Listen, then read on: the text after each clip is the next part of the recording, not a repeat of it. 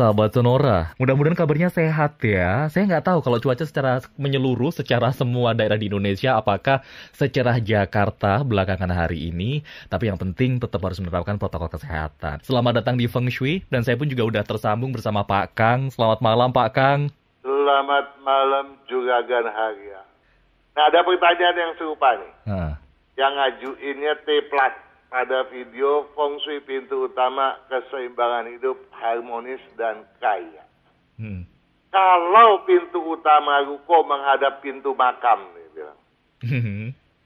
Bagaimana menyiasatinya? Depan ruko jalan raya lebar 10 meteran. Seberang jalan baru makam. Terima kasih. Bagaimana juga Gan? Pasang kaca, po?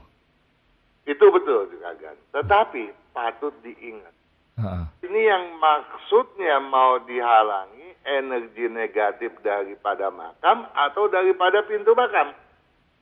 Hmm. Kalau dari makam, belum tentu makam itu menimbulkan energi negatif loh. Oke. Okay.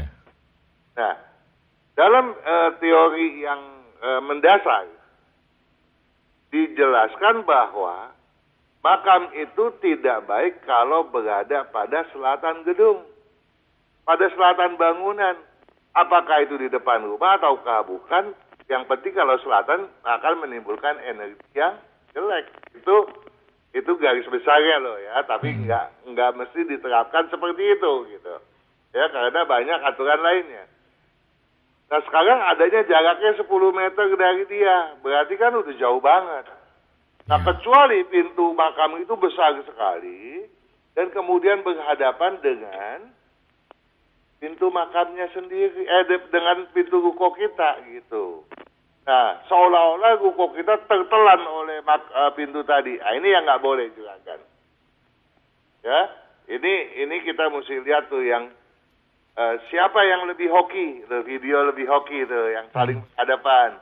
Hmm. Dua pintu yang saling berhadapan, yang mana posisi pintu yang lebih tinggi dan lebih rendah. Itu ada aturannya ya. Hmm.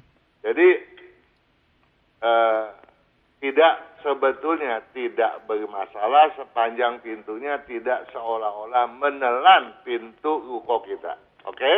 Oke. Okay. Ada pertanyaan lagi yang juga masih seputar itu juga kan. Datangnya ini dari seorang yang namanya Wamuk. Hmm. Wamuk nih rajin benar bertanya. Mudah-mudahan okay. pemahamannya makin lama makin luar biasa. Amin. Ya. Dia bertanya pada video rezeki mau lancar, hindari pantangan pintu yang edisi satu. Mohon tanya Pak Kang, dia bilang. Dulu katanya. Dia masih ingat ya dulu nih. Hmm. Beberapa tahun lalu, seingat saya, Pak Kang pernah membahas tentang pergi melayat di tahun Ciong. Ya.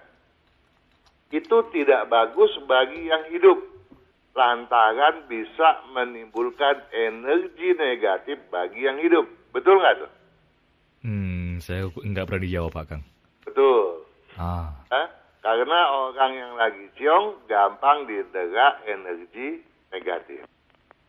Jika dulu ketika orang tua saya meninggal, ya teman saya datang melayat. Tapi ketika orang tuanya meninggal, saya tidak datang. Oke. Okay. Ini namanya tidak tahu aturan, Pak Kang. Ya okay. benar dong, nggak okay. tahu aturan. bagaimana baiknya? Ini dia bertanya, bagaimana baiknya? Apakah dengan mengambil benang merahnya dan dibuang di jalanan itu bisa menghindarkan diri dari energi ciongnya? Itu memang salah satunya ya kita membuang benang merahnya. Hmm. Juga kalau kita pergi melayat sampai ke makam misalnya, dapat juga itu apa? Eh, sepasang lilin merah gitu ya untuk di, di, dinyalakan. Hmm. Eh, pokoknya banyak cara. Di antaranya juga ada satu kepercayaan misalnya kita membawa tiga siung bawang putih dan tiga iris uh, jahe gitu ya. Hmm, hmm. Nah tetapi orang terus bilang, oh itu buat musik hantu ya. Sebetulnya bukan.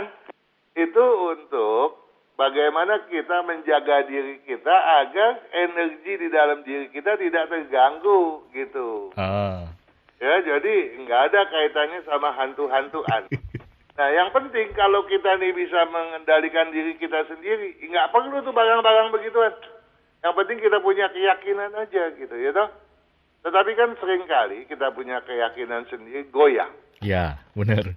Nah, kalau goyah kita butuh gitu ya. Kita butuh satu sarana penyeimbang energi gitu ya. Jadi jangan disalah tafsirkan. Nah, dikaitkan dengan orang ciong kan? Mm-mm.